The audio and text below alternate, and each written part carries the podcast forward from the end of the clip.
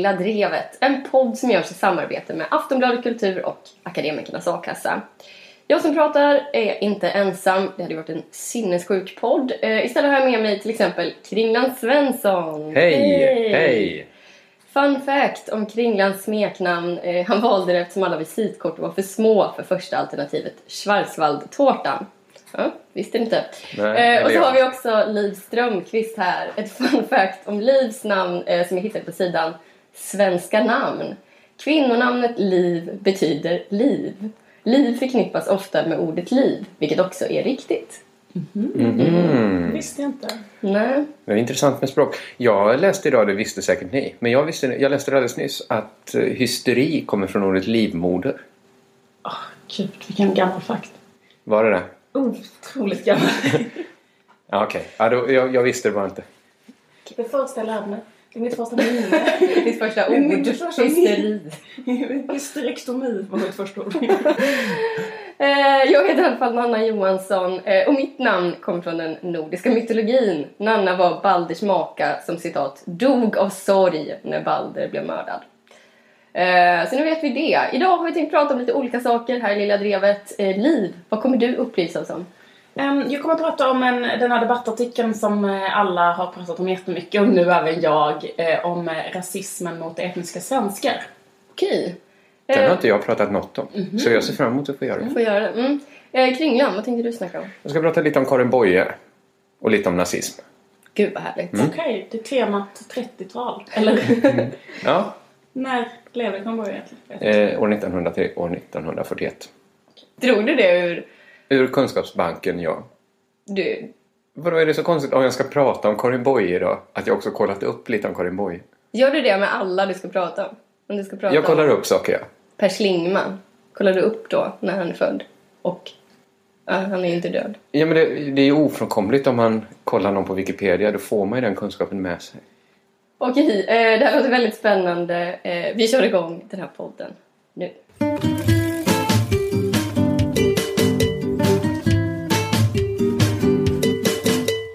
Kringlan och Liv, eh, om ni ville minska risken för att stå utan inkomst om ni blir arbetslösa, skulle ni då gå med i en A-kassa, B-kassa eller C-kassa?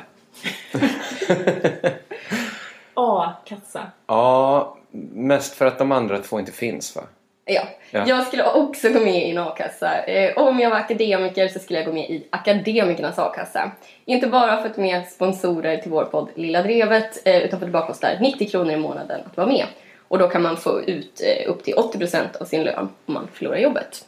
Eh, är man osäker på vilken a-kassa man ska gå med i så kan man gå in på väljaakassa.se och göra ett test. Och vill man veta mer om just Akademikernas a-kassa så rekommenderar vi sidan aea.se. A-kassa, det- jag tycker det känns som en sån sak som ganska många tycker är bra. Men det är en sån sak man inte riktigt får tummen ur att göra.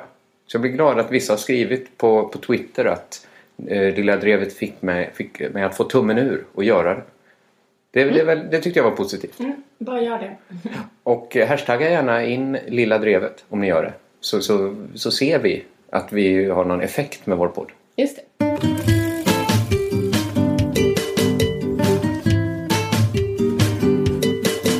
Det har stormat kring science fiction-författaren Karin Boye. Hennes dikt I rörelse eh, har använts eh, i reklamen för ett stort bilföretag. Har ni märkt, märkt av det? Nej, jag har inte sett den reklamen. Nej, okej. Men då, då får ni tänka er en typisk bilreklam. En bil åker på en Alltså väg. ganska grå reklam. Eh, och grå och metallisk. Är det den här liksom- bryt upp, bryt upp den nya dagen gryr? Oändligt är vårt stora Jaha. äventyr. Ja, just det. Den har de använt. Okej, Eh, det var den enda jag kunde. ja.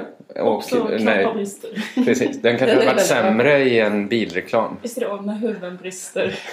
Men vår bil har en airbag. Skulle kunna funka. Det hade varit... Det kanske varit något för, för Volvo eller någon mer så här, säkerhetsinriktad bil. Ja. Eh, nu är i alla fall Svenska Akademins ständige sekreterare Peter Englund rasande. Jaha. Rasande. Han Jag vet inte Anna. Ja. Jag hoppas att du inte får en blund. Hur är den? Du drar de strofer du kan av Karin Boye nu. Du kan två. Det är... Bryt upp, bryt upp Jag och... hoppas att du inte alls har det bra. Jag hoppas att du ligger vaken och våndas som jag. Det är jättedålig bilreklam. För att du inte har. För att du inte har. Ja, ja, jag, glöm, jag glömde sista strofen här. Karin Boyes odödliga dikt. Eh, Peter Englund är rasande. Han tycker Karin Boye är en jävla sellout som säljer ut sin själ till tyska bilar. På sin blogg kallar han Karin Boye för girig fitta. Nej. Nej, Nu jag hittar skojar. Jag hittar på. Eh, han tycker om Karin Boye. Det är bilföretaget han inte gillar. Mm. Eh, eftersom de använder hennes dikt i ett så saggigt sammanhang. Har han fått tillstånd av någon släkting? Eh, jag tror den här reklambyrån fick tillstånd av Karin Boye-sällskapet. Säger de. Det är lite... Men är det inte efter tillräckligt många år att det bara är fritt fram? Ja, men sen finns det något som heter klassikerskyddet också. Okej. Så att man, man kan... Är det liksom skyddat då från marknaden eller? Det är nog inte en, endast marknaden utan det är nog lite... Det, det är lite luddigt tror jag. Ja. Men man får väl inte bara ta liksom och säga nu gör jag en liksom kaviar och döper den till Odysseus typ och gör liksom anspråk på hela den. Jag vet inte vad. Ja, men Odysseus Så- tror jag. Så många år har gått. Vilket är inte en klassikerskild. Jag Av inte bara vem? Liksom, jag kan inte- liksom inte bara så här, hitta på en produkt och börja förknippa den med det. Det, det känns det som. Men skit i det. nej, men, men nej, man kanske inte får döpa en kaviar till Karin Boye då. Karin Boyes kaviar. Att hon tittar ut så. Precis och äter en, en knäckebrödsmacka. Då tror jag Englund hade blivit ännu argare. Nu är han bara jättearg. Och han kallar det här för gravplundring. Oj. på sin blogg. Det är starka ord. Eh, det är ju lite problematiskt det här eftersom Karin Boye varit död sedan 1941. Så det, det hade varit svårt att fråga Karin Boye själv. Det hade liksom blivit någon sorts kanal 5-såpa av det. Något danskt medium som går runt med pannlampa i Alingsås och liksom känner om Karin Boye är för eller emot tyska bilar. Men enligt Svenska Akademin då så är den här reklamkampanjen en grov förvanskning av både dikten och vad författaren en gång stod för. Och då är det med tanke på att Karin Boye var socialist och satt i redaktionen för marxistiska Clarté. Just det. Så då kan man tänka sig att hon inte skulle älska tysk bilreklam. Peter Englund gör liksom en tankelek så här, vad skulle Karin Boye idag sagt om hon fick frågan om att medverka i reklam? Och där tycker jag det är otroligt svårt att veta eftersom hon varit död i över 70 år. Det är liksom något som alltid är lite skevt när folk ska uttala sig om hur döda människor skulle ha känt om de fått leva. Det blir liksom superhypotetiskt. Ja. Framförallt med tanke på att Karin Boye då, som vi lärde oss innan, föddes år 1900. Då hade folk snurrmustasch, cyklade på cykel med jättestort framhjul. Om man åkte luftballong så var det för att det var ett praktiskt sätt att färdas. Det var liksom i den världen Karin Boye föddes. Det är svårt att säga vad hennes åsikter om en bil från 2014 skulle ha varit. Och framförallt då om tankeleken om hon skulle levt idag. För då har hon ju varit 114 år. Hon var 41 när hon dog. Vi kan ju inte utesluta att Karin Boye kanske hade förändrats de senaste 73 åren av sitt liv. Det kan ju hända. Det kan gärna att man är radikal i sin ungdom. Men framåt... Du menar att de skulle säljt ut av sig själv? De sista, när man kommer över där 110 någonstans kanske man lämnar den här ungdomsradikaliteten. Mycket kan hända på 73 år i ett människoliv. ja, det är sant. Alltså att man är en när man är ett och sen är man helt annan när man är 74. Ja, men tänker om man ändå är socialist när man är 41, är man inte det då också när man är... Ja, Fast Göran Skytte var väl så här maoist Tills han blev... tills han blev, skulle... Han var det tills han var 30 typ. Ja, Karin Boye var det till hon var 41. Ja. Men då, då skrattade hon ihjäl sig och dog. Nej, hon dog Ja. inte av det. Eh, alltså, men, jag vill bara säga att mycket kan hända med en människa på 73 år. Mycket händer med samhället på 73 år. För 73 år sedan myntade kåsören Kardemumma ordet svingpjatt. Då var det fräscht för 73 år sedan. Wow. Man debatterade om vi skulle ha dansbanor eller om det var för nytt för 73 år sedan. Saker förändras. Eh, och en sak som förändras har jag tänkt är kanske poetens roll. Om Karin Boye levt idag då, när hon ska uttala sig om den här reklamen, i det här, säg att det är lite mer konkurrenspräglade medieklimatet. Där det, jag vet inte, men kanske lite svårare för en poet att komma fram. Det kan ju vara så att det hade varit fullt möjligt att Karin Boye hade tyckt att det var fett med en bilreklam som en miljon människor kanske ser. Jag vet inte hur många diktsamlingar en poet säljer idag. Men det kan också vara så här att hon kanske inte alls hade gillat det. Det är bara svårt att uttala sig om vad Karin Boye tycker om saker som händer idag. Och det här, nu kan vi liksom lämna Om Peter... någon ska säga det så ska det nog vara Peter Englund. Om någon vet så är det hon. Han är väl Karin Boye om hon hade fått leva idag. Så hade, så hade hon Om utvecklats. hon skulle prata igenom någon så skulle hon kanske vara det. Det är kanske det hon har gjort. Att, det är, att Peter Englund är hennes spöktratt. Som, Finns det ett helst heter vill prata igenom Svenska Akademins sekreterare. men jag kan ju hålla med om att det är troligare att hon hade valt Peter Englund som medium än Ett medium. En, nej, ja, en ett medium, men också en, ett reklam, en reklamfirma. Kanske inte Karin Boye hade valt medan hon levde i alla fall. Som, om jag ska återuppstå om 73 år så kommer jag göra det genom den här bilreklamen. Eh, men vi kan lämna det här och bara koncentrera oss kanske på den här retoriken att uttala sig om vad döda människor skulle ha sagt. Det ett av de mest klassiska, om Tage Danielsson hade levat idag så hade inte han suttit i parlamentet och dratt fräckisar. Om Palme hade levt idag skulle han haft en del att säga om privat vård. Kanske. Omöjligt att säga. Diktaturens kreatur. Ja. Hade han tyckt drev. Nej men det vet vi inte för att om Palme hade fått leva så hade han varit död idag. Men mest klassisk av alla döda auktoriteter är såklart Astrid Lindgren. Jag trodde ni skulle hoppa in där och fylla i. Ja, det var helt blankt. Ja, ja, ja. Ni har inte, hon, är- men ni måste tänka på att hon är... Och Jesus. Tänkte också på Jesus. Ja, men det är lite luddigt så om Jesus är död på samma sätt som Astrid Lindgren. De som tror på Jesus kanske tycker han är närvarande på ett annat sätt. Jag vet inte. Jag tror ju varken på att Astrid Lindgren lever eller att Jesus gör det. Men Astrid Lindgren är ju lite mer dödsrikets kloka gumma. För att vi vet att hon var klok när hon levde.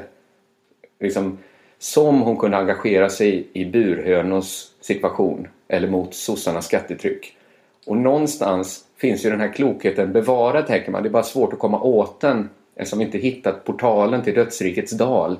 Till Nangijala där Astrid Lindgren sitter i en äppellund tillsammans med Einstein och Nelson Mandela och vet bäst. Så man tvingas liksom gissa vad hon ska tro. För några år sedan så, jag vet inte om ni kommer ihåg det, men Sverigedemokraternas Björn Söder gissade vad Astrid Lindgren skulle ha tyckt. Ja, men dels så sa han att Bröderna Lejonhjärta uttrycker Sverigedemokraternas värderingar. Just det. Att den här barnboken var någon sorts partiprogram för Men hur, hur fick han ihop det? Ja, den Att då eh, Katla skulle vara... ja, det var att han skulle ta Jimmy Åkesson på sina axlar och hoppa från ett tvåvåningshus om det brann. Nej, det handlade om kampen mellan gott och ont. De är då på de goda sida och ah, ja, deras antagonister är på de onda, antar jag. Islamisering i Katla. Ja, men så kan man kanske säga. Så, så, så kanske han menar då. Och han frågade sig då vad Astrid Lindgren skulle ha tyckt om dagens samhälle och antydde lite att hon skulle tycka som han. Att han skulle vara sverigedemokrat. Ja, om Astrid Lindgren bara hade fått leva så hade hon gått runt och personligen slitit upp sonden ur halsen på apatiska flyktingbarn och skickat hem dem. Tänkte sig Björn Söder. Eh, och det var såklart korkat. Men det är nästan lika korkat att bemöta sådana uttalanden. Folk bara nej! Astrid Lindgren skulle aldrig ha gjort det. Nej, det är klart hon inte skulle för att hon är död. Då gör man inget mer. Det är det som är grejen med döden. Det är liksom som att folk inte vill eh, konfronteras med det absoluta i döden. Att vi verkligen inte har någon kunskap om något annat än vad det är att vara levande. Förr sa man så här kanske, man kom till helvetet om man inte lever dygdigt. Eh, låt bli att onanera. Frågar man en sexualrådgivare idag om man kommer till helvetet om man onanerar så säger nästan alla nej. Det är lugnt, du kommer inte till helvetet. Det var något vi trodde förr. Som om vår kunskap om döden har ökat. De ska liksom säga, jag vet inte. Den här typen av religiösa grubblerier är väl inget för mig. Jag har ju bara en simpel fråga Olle-Olle. Jag kan inte uttala mig om helvetet.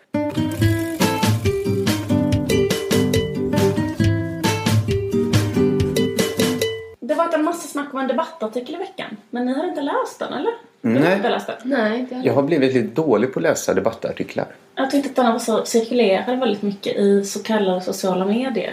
För den har varit lite, rätt mycket ståhej om den. Den hade rubriken Även rasismen mot etniska svenskar måste bekämpas.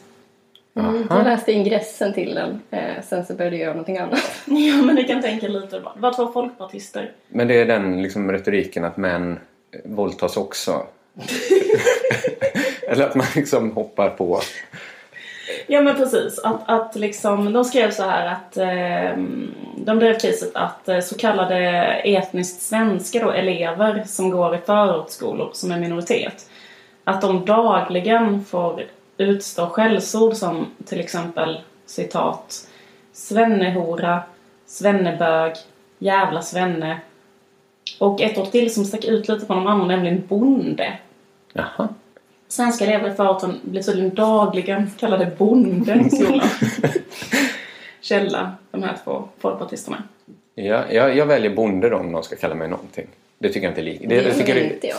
det är kränkande, men det är inte så kränkande. Ja, men svenne hora. Svennebög skulle jag vilja. Nej men de hade inte så mycket källor eh, i den här artikeln överhuvudtaget. De hade mer feeling. De hade liksom kunnat ha en fotnot längst ner där det står källa feeling. Riktigt mycket feeling. Som riktigt här liksom frias improvisationsfeeling. Väldigt mycket känsla i den här artikeln. Ja, Ehm, det behöver inte vara fel. Nej, fast det är ändå fel om man, om man ska hävda någonting och sen så vill man göra politik eh, efteråt. Bla bla. Hur Då är det fel, ja. Absolut. De har fått massa kritik. Mest för att eh, liksom hela texten verkade copy-pastad från eh, typ Kent Ekeroths blogg. Eller Mm. något sånt. Men jag tänker att det, att det fanns liksom fler problem med den här debattartikeln. Till exempel då hur man ska göra politik av hela den här spaningen. En av de som skrev den här heter Robert Hanna, en av de här folkpartisterna. Han fick frågan av Nyheter 24 om han menade att man skulle kunna dömas juridiskt för att till exempel ha kallat någon svennehora. Eller bonde. Eller bonde.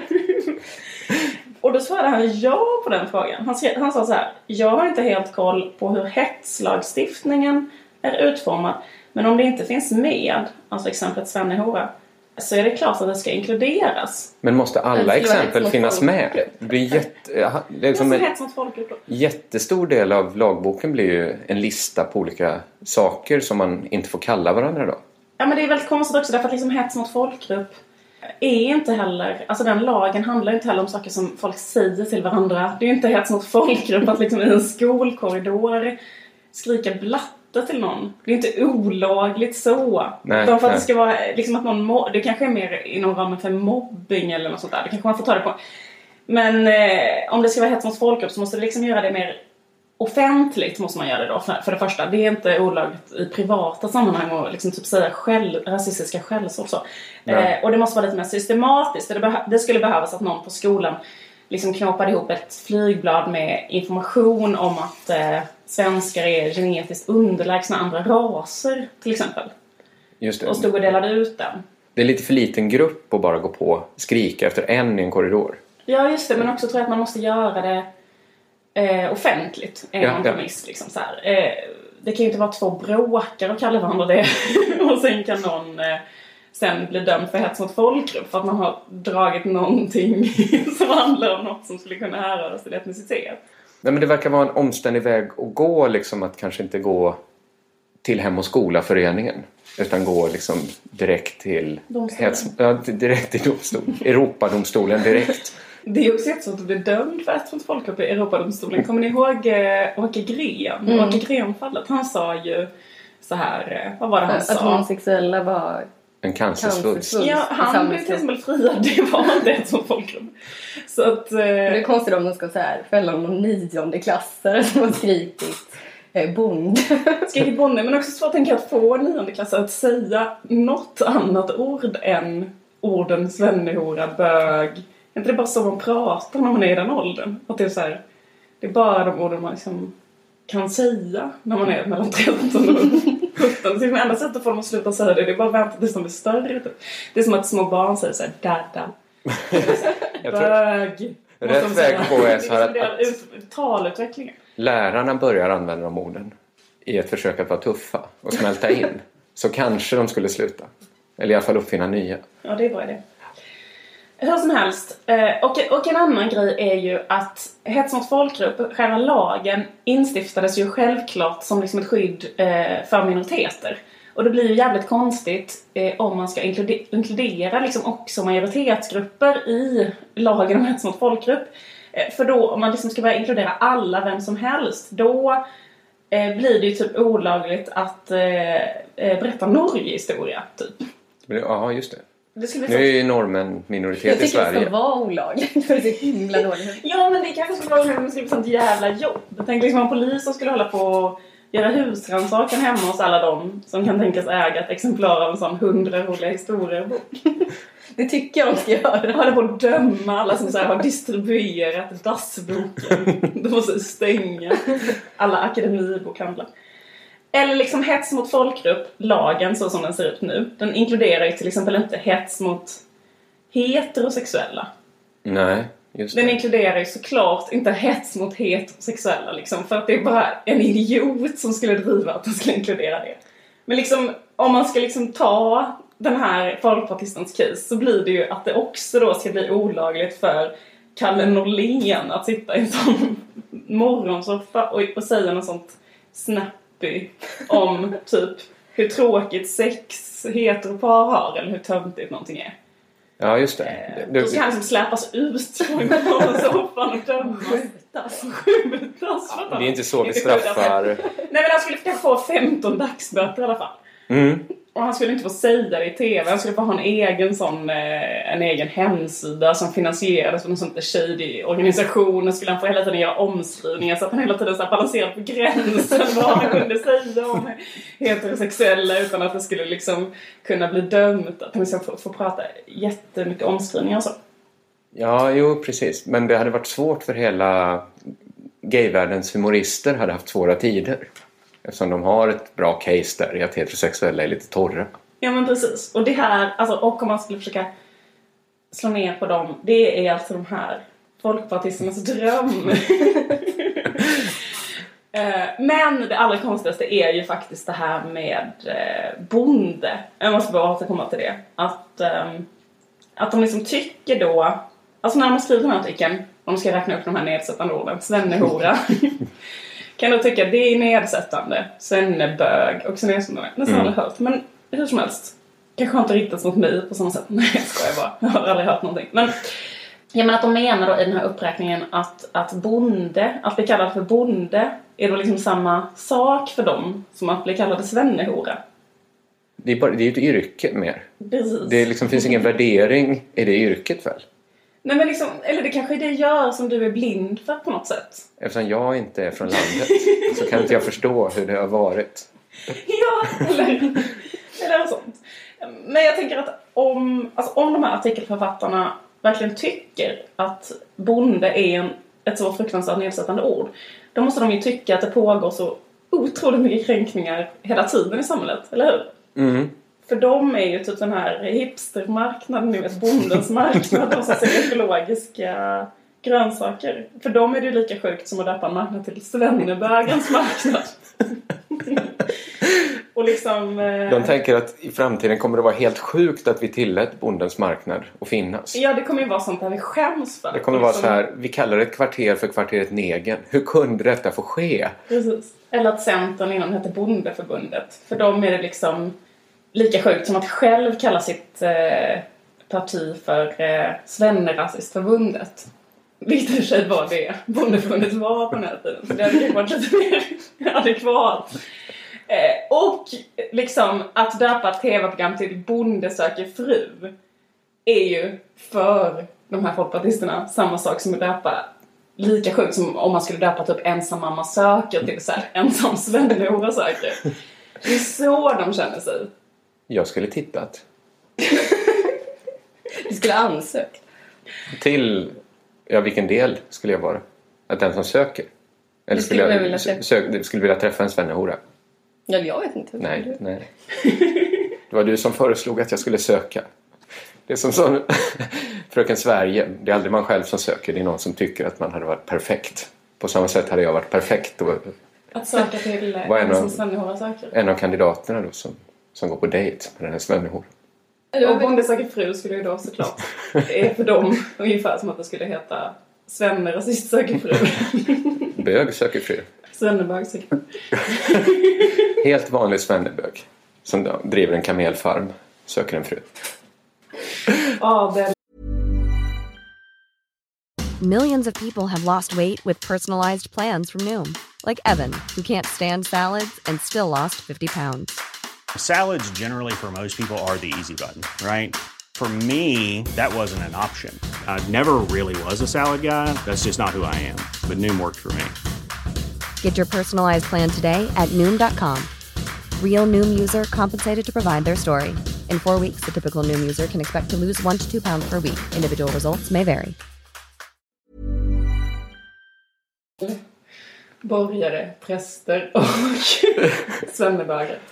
Svennebögarna var flest. Svennehororna. Det känns så jävla dålig benämning heller. Och Adel, präster, borgare och svennehoror. Synliga kvinnor på något sätt. Det är tur att vi avskaffade det samhället. Ja, det är tur.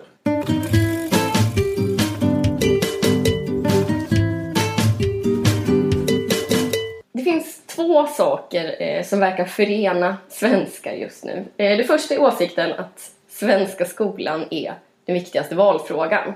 Eh, I partiledardebatten i söndags till exempel, där var eh, skolan huvudfrågan. Eh, och den andra saken som förenar svenskar just nu är åsikten att den svenska skolan suger getballe. De uttrycker sig inte... Ja, men... Ja. Ja. Ja, mm. Alla hatar den svenska skolan passionerat. Eh, det finns ingenting som så många är överens om. Eh, förr kunde man kanske så småprata om vädret eller Zlatan för att hitta något man tycker lika om. Men nu är det skolan. Det känns liksom som att man lär sig mer om man skolkar nu för tiden än om man går i skolan. Så var det. De som skolkar är de som har lärt sig mest. Man går till svenska skolan och lämnar lite kunskap som man aldrig får tillbaks igen. Så att man blir lite, lite dummare för varje dag man, Ja. man inte skolkar. Så är det. Eh, ja, precis. Ehm, och jag har funderat på eh, en grej med hela det här. För att eh, om alla nu är så rörande överens om att den svenska skolan är dålig och att det är jätte, jätteviktigt att ändra på det. Eh, borde inte vi då bara avskaffa den svenska skolan?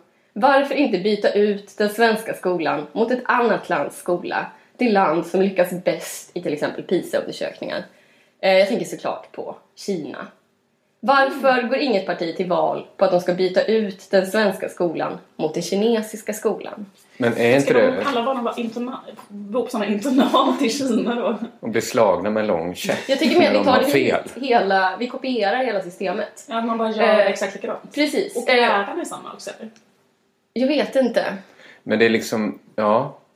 Men jag tänker så här, om man nu tycker att skolan är den viktigaste frågan i världen, då ska man väl kopiera det land som har den bästa skolan i världen.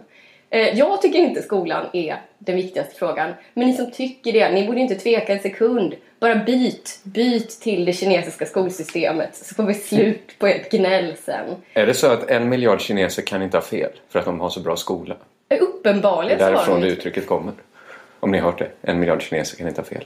Man brukar säga så. Eh, ris, eh, ät mer ris. En miljard kineser kan... Ja, skitsamma!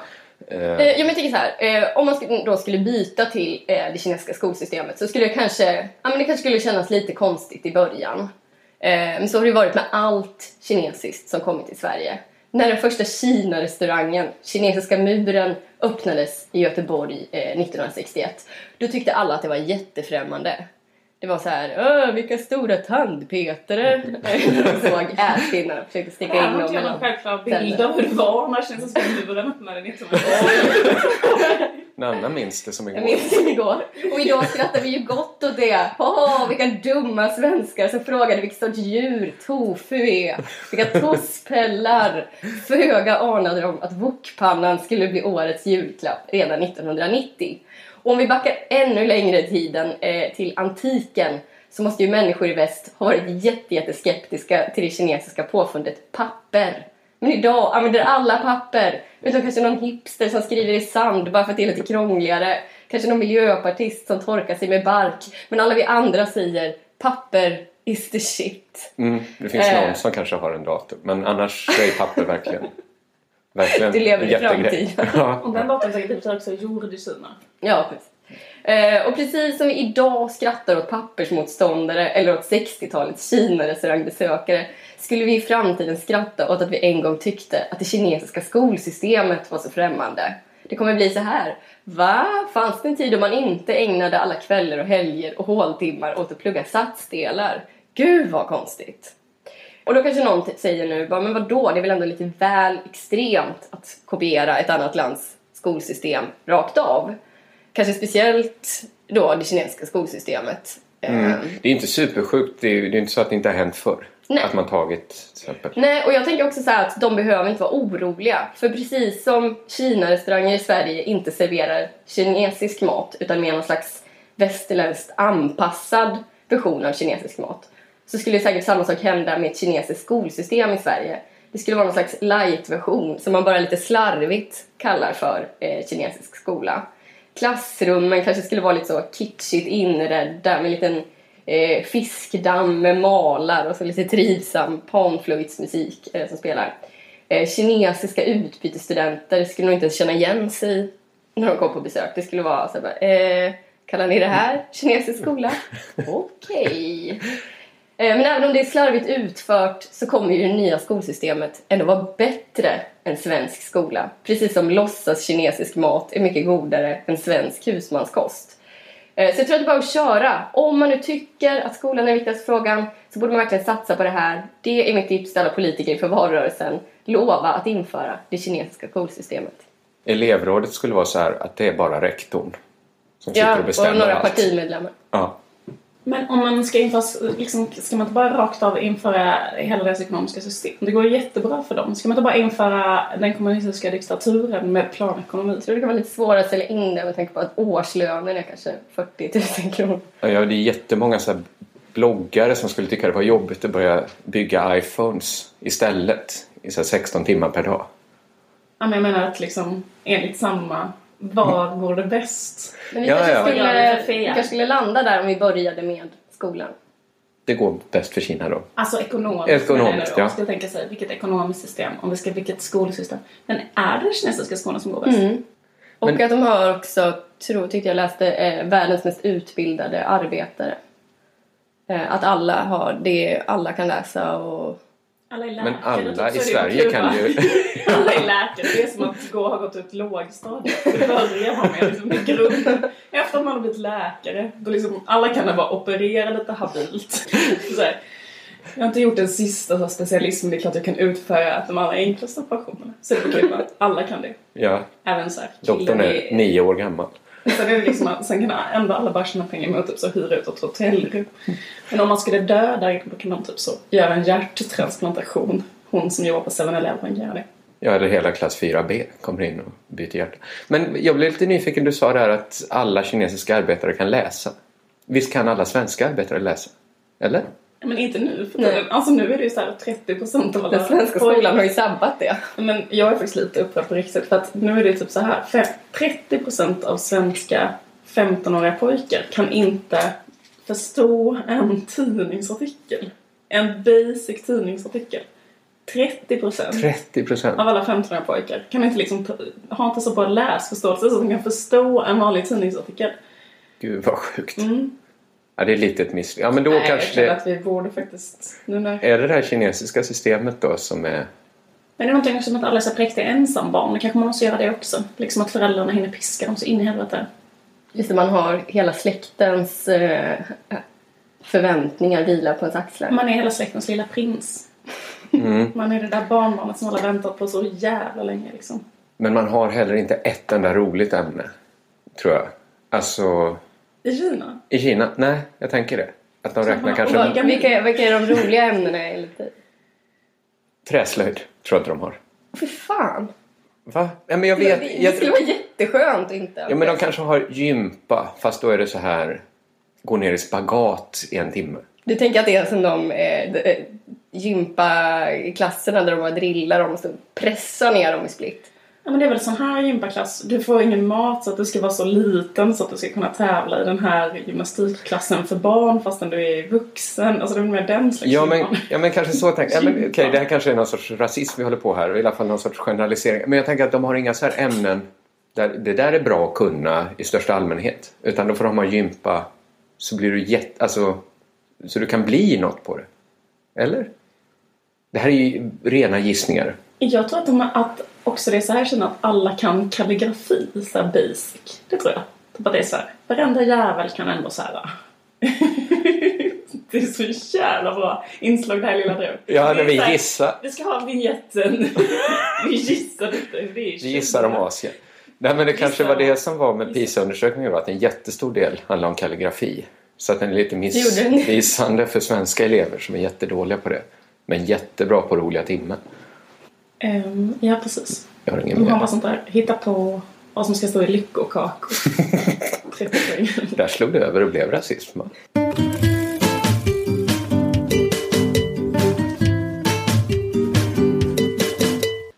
Det är sakligt och opartiskt att säga att svenskarnas parti är nazister. Det vet ni va? Men de säger väl själva det, eller? Ja, och nu har granskningsnämnden för radio och tv också slagit fast det. De så, hette innan Nationalsocialistisk front. Precis, men det behövde ändå prövas. Och det är ju bra att man också i licensfinansierad media har rätt att kalla saker för vad de är. Granskningsnämnden har också slagit fast att det är okej att kalla kummin för krydda. Och tidigare har de slagit fast att Tommy Körbergs färgglada glasögon får kallas färgglada. Så det är bra. Det är bra. Alla har rätt att kalla nazister för nazister. Hurra för det. I Sverige så har inte det här varit en stor fråga innan. På på 90-talet så var det ju lätt att se om någon var nazist. För de hade klätt ut sig till nazister. Folk som har varit nazister har vetat om det tidigare. De har kanske till och med varit stolta för att de varit nazister. Annars hade de inte varit det. Och Sverige är ett land som inte drabbades så hårt av nazismen under andra världskriget.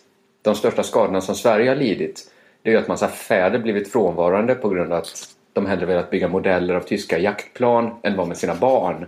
Vi har fått lida under förfester några, några killar har pratat om Operation Barbarossa istället för att liksom komma in i matchen.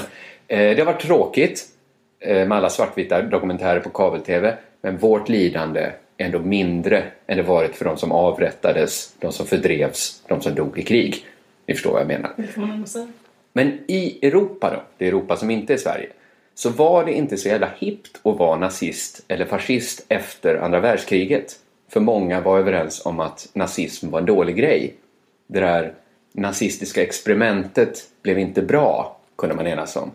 Nazismens varumärke var uruselt i länder som Tyskland, Frankrike, England. Ni vet de där länderna. Du har ju varit i Frankrike, Nanna. Mm. Då vet du. Ja.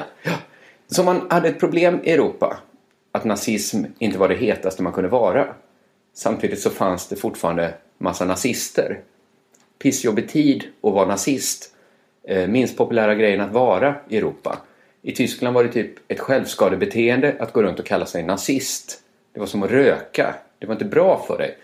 Så nazismen och fascismen efter andra världskriget var liksom i akut behov av en rebranding. Jag vet inte varför jag, nu gör jag den här historiska fresken här. Efter, tiden, efter kriget blev man tvungen att sätta sig ner och snacka. Hur ska vi göra egentligen? Eh, man kom fram till att det smartaste nog var att sluta använda nazismens och fascismens namn. Man skulle liksom, nazister skulle inte kalla sig nazister, fascister skulle inte... Man skulle liksom ta bort retoriken och symbolerna. Man kände att ja, men koppel är kanske inte en bra symbol för vår rörelse. Vi kanske ska tona ner det här med att bekämpa demokratin. Vi slutar tjafsa om att utrota raser, vi pratar mer om att måna om vår kultur istället. Typ, jag, Måna om de gamla till exempel så. De, de gamla i sitt Jag land. älskar de gamla. Mm. I mina egna gamla. Man fokuserar på kanske lite positivt, alltså vad vill vi? Inte bara vad vi är emot utan också vad vi är för. Kanske. Jag vet inte exakt, jag är inte historiker i den meningen. Ungefär så här gick det till när partier som Front National bildades i Frankrike. Nu är det ett etablerat parti. Och det här hände ju för säg 50-40 år sedan i Europa. Och det kan störa mig att vi svenskar har varit så himla mycket efter med våra fascister och nazister. Att det tog så lång tid för dem att fatta det grundläggande. Att inte kalla sig nazist. För då stannar liksom rörelsen upp vid en grupp så här, ja, men kanske gamla militärgubbar som hyr ett slott på Västgötaslätten och sitter där och skriver protokoll. Det, är liksom, det blir hela rörelsen. Eller kanske ett gäng skinnbulor som springer runt på stan och pyntar en Karl XII-staty. Det är, liksom, det är läskigt och farligt liksom, om man är i närheten men det ger liksom inga politiska verkningar. Vi gjorde ju inte det på 90-talet. Liksom. All den nazism vi såg den stannar ju liksom på gatorna. Men inte liksom exakt det de har gjort, eller det du menar nu? Att, jag menar att SD i början kanske, jag vet inte om de har kallat sig det, men de har i alla fall De har ju ändå haft någon sorts mer nazistkompatibel Ja, Liksom, retorik kanske Ja, i alla ja. fall. Man har liksom varit mer pang på rödbetan. ja, Men redan 1938 sa den svenska nazistledaren Sven-Olof Lindholm Att det enda tänkbara om idéerna ska räddas blir att slopa namn och symbol för att inte tala om stövlar, koppel och Hitlerhälsning. Man kan inte ha liksom svastikan som partisymbol nu. Ja, det går eller framförallt inte efter, direkt efter andra världskriget. Det är liksom helt sinnessjukt att svenska nazister inte förstod det. Man får ju skämmas att det tog 75 år innan något hände.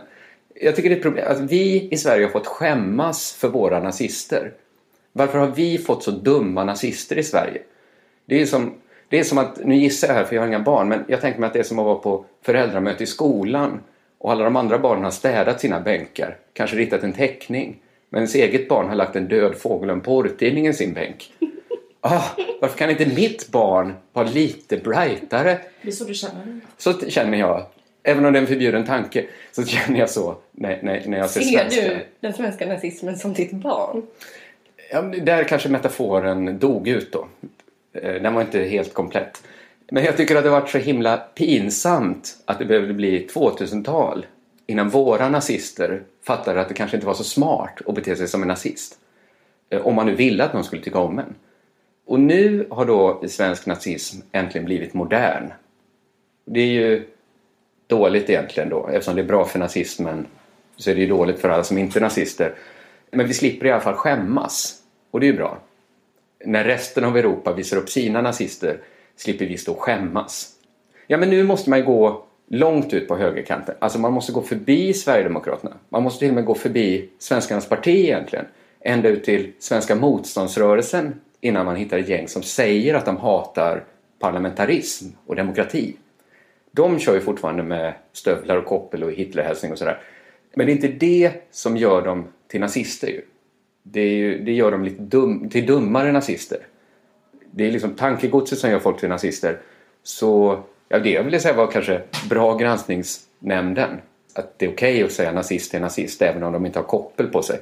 Dåligt polisen och all press som inte vågar kalla nazister för nazister. Det var det. Det, det är kanske bra. Det är bara bra för nazisterna. Men Svenskarnas parti har väl, de skriver väl ut att de inte gillar demokrati? Nej, Svenskarnas parti vill ju gå till makt. Nej, de vill väl avskaffa demokratin genom... Genom demokrati. Ja, men det är liksom mellan Sverigedemokraterna som kanske bara vill fjäska sig in. På det sättet som alla andra partier vill. I alla fall innan har skrivit så här bara om ni röstar på oss, rösta på oss för om ni vill ha en nazistisk diktatur. För det är liksom, de vill införa nazistisk diktatur via men- parlamentet. Om jag förstått saken rätt. Ja, men jag tror att det finns en Mm. vacker palett där. Att det finns Sverigedemokraterna som man kan rösta på. Man kan rösta på Svenskarnas parti för att avskaffa demokratin. Och sen, om man är riktigt, riktigt hård så kan man gå direkt till Svenska motståndsrörelsen Men det och finns inga, störta demokratin. men det finns inga sådana nazister som är som eh, sådana kommunister i Vänsterpartiet som är såhär, jag vill faktiskt fortsätta kalla mig kommunist för att jag tycker inte att det var riktig kommunism det som var i Sovjetunionen. Att de är såhär, jag jag får faktiskt kalla mig själv nazist för att det var inte riktig nazism det som Hitler gjorde. Utan det var liksom att han tog nazismen och gjorde det till något dåligt. Ja, men de Det kanske finns vara- i Svenskarnas parti mer. Sverigedemokraterna är väl ändå så här, sådana nazister, eh, de är inte nazister, men sådana man slipper skämmas för i alla fall är de. När man ser hur duktiga nazisterna är i Europa. Så man, man behöver skämmas för Jimmie Åkesson. Ah. Jag skäms inte för Jimmy. Jag tycker han, jag tycker han är duktig. England. Nej men jag- vi pratar ju ändå om nazism nu. Att han är duktig på att dölja sin nazism. Det är det du menar? Ja, jag vill inte säga det för man, de kan man ju inte kalla nazister. Det är de väl inte? Ja, men han, han, vad menar du att han är dö- Okej, jag duktig på tycker svenskarna... spännig? Jag tycker så här, svenskarnas parti... Vi tar om då. Så här. Svenskarnas parti slipper man ju skämmas för i alla fall. När man jämför dem med europeiska nazister. Var ni med på min, mitt långa riff här? Jag somnade en liten stund. Fan också! så bara pyttelite snickade till mig. Ja, jag hade ett case där om att man fått skämmas för svenska nazister. Att europeiska nazister var så mycket smartare. Alltså att de varit dåliga P, att vara dålig PR, att Det var det- inte kalla sig... Ja, Det varit en dålig rebranding av svenska nazister. Skitsamma. jag fattar. Det här var mest bara trams.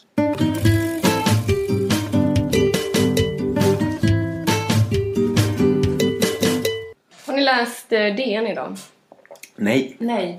Okej, det är en... Eh, den mest lästa artikeln på DN är ett eh, brev från en rysk journalist och författare som skriver till Krims, ja, kära krimbor. Han går, så. går, går med i den här personliga Ja. brevtrenden. Som Når kära han- Beatrice, kära... Kära krimbor. Det enda sättet att få publicera sin idé. Älskade eh, krimbor. Mm. Det är omväg att nå krimborna via DNs nätupplaga. Vad tycker du? Men eh, ja, han har i alla fall skrivit. Eh, eh, Han är ryss. han är ryss och eh, hälsar då Krims befolkning eh, välkommen till Ryssland i en eh, lite satirisk text. Eh, som då är ett brev där han då eh, radar upp olika saker de får ställa in sig på nu. Eh, olika rättigheter de förlorar ehm, genom att inte längre då tillhöra Ukraina.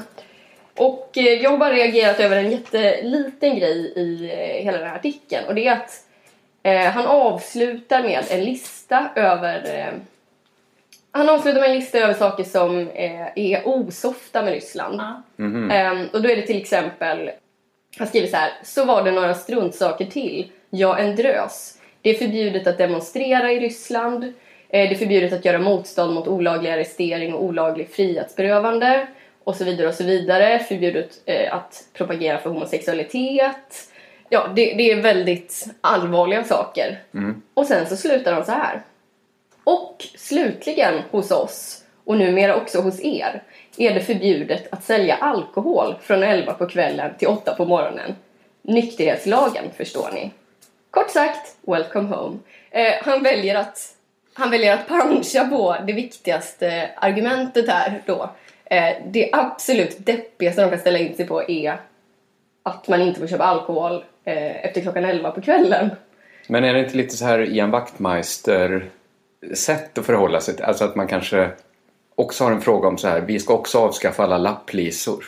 Alltså att man tar, där man gissar att folks liksom, ryggmärgsreaktioner sitter. De flesta i Ukraina kanske inte hade gått i en gay hbtq-demonstration ändå.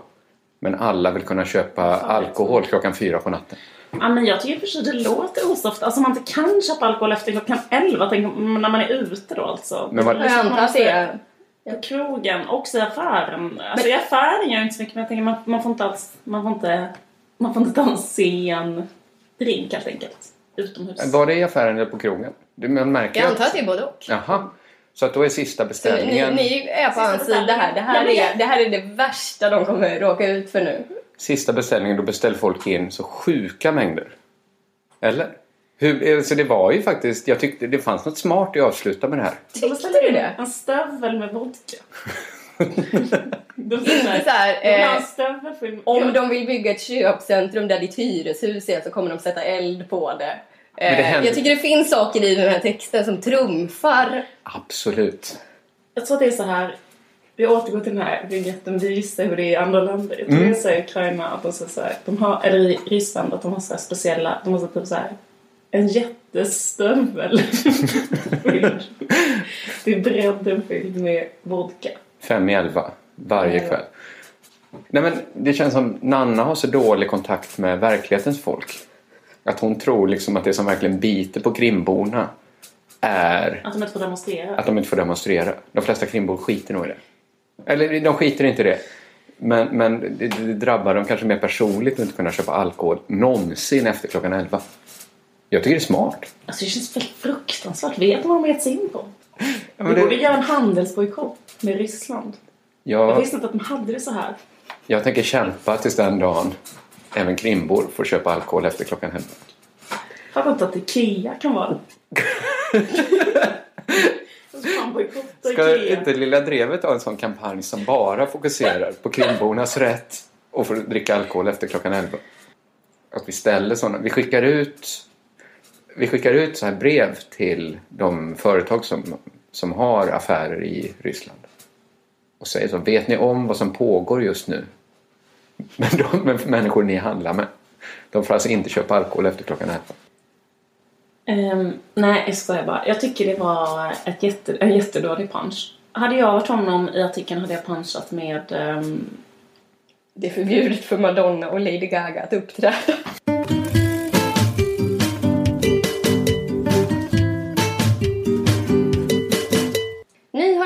På Lilla Drevet som nu tackar för sig. Eh, men vi hörs igen nästa vecka och för er som inte kan få nog av oss så har vi skaffat en Facebook-sida som heter Lilla Drevet. Eh, gå gärna in där och gilla oss. Eh, som vanligt så går det också bra att skriva till oss på Twitter under hashtaggen Lilla Drevet som ett enda ord och då får man jättegärna också skriva det här om man har varit med i a-kassan efter att ha lyssnat på den här podden.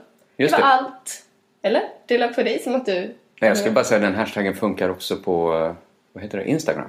Den funkar på alla sociala medier Wow. där man använder hashtags. mig nya grejer. Eh, det var allt. Hej! Ja, det var det. Hej då! Hej.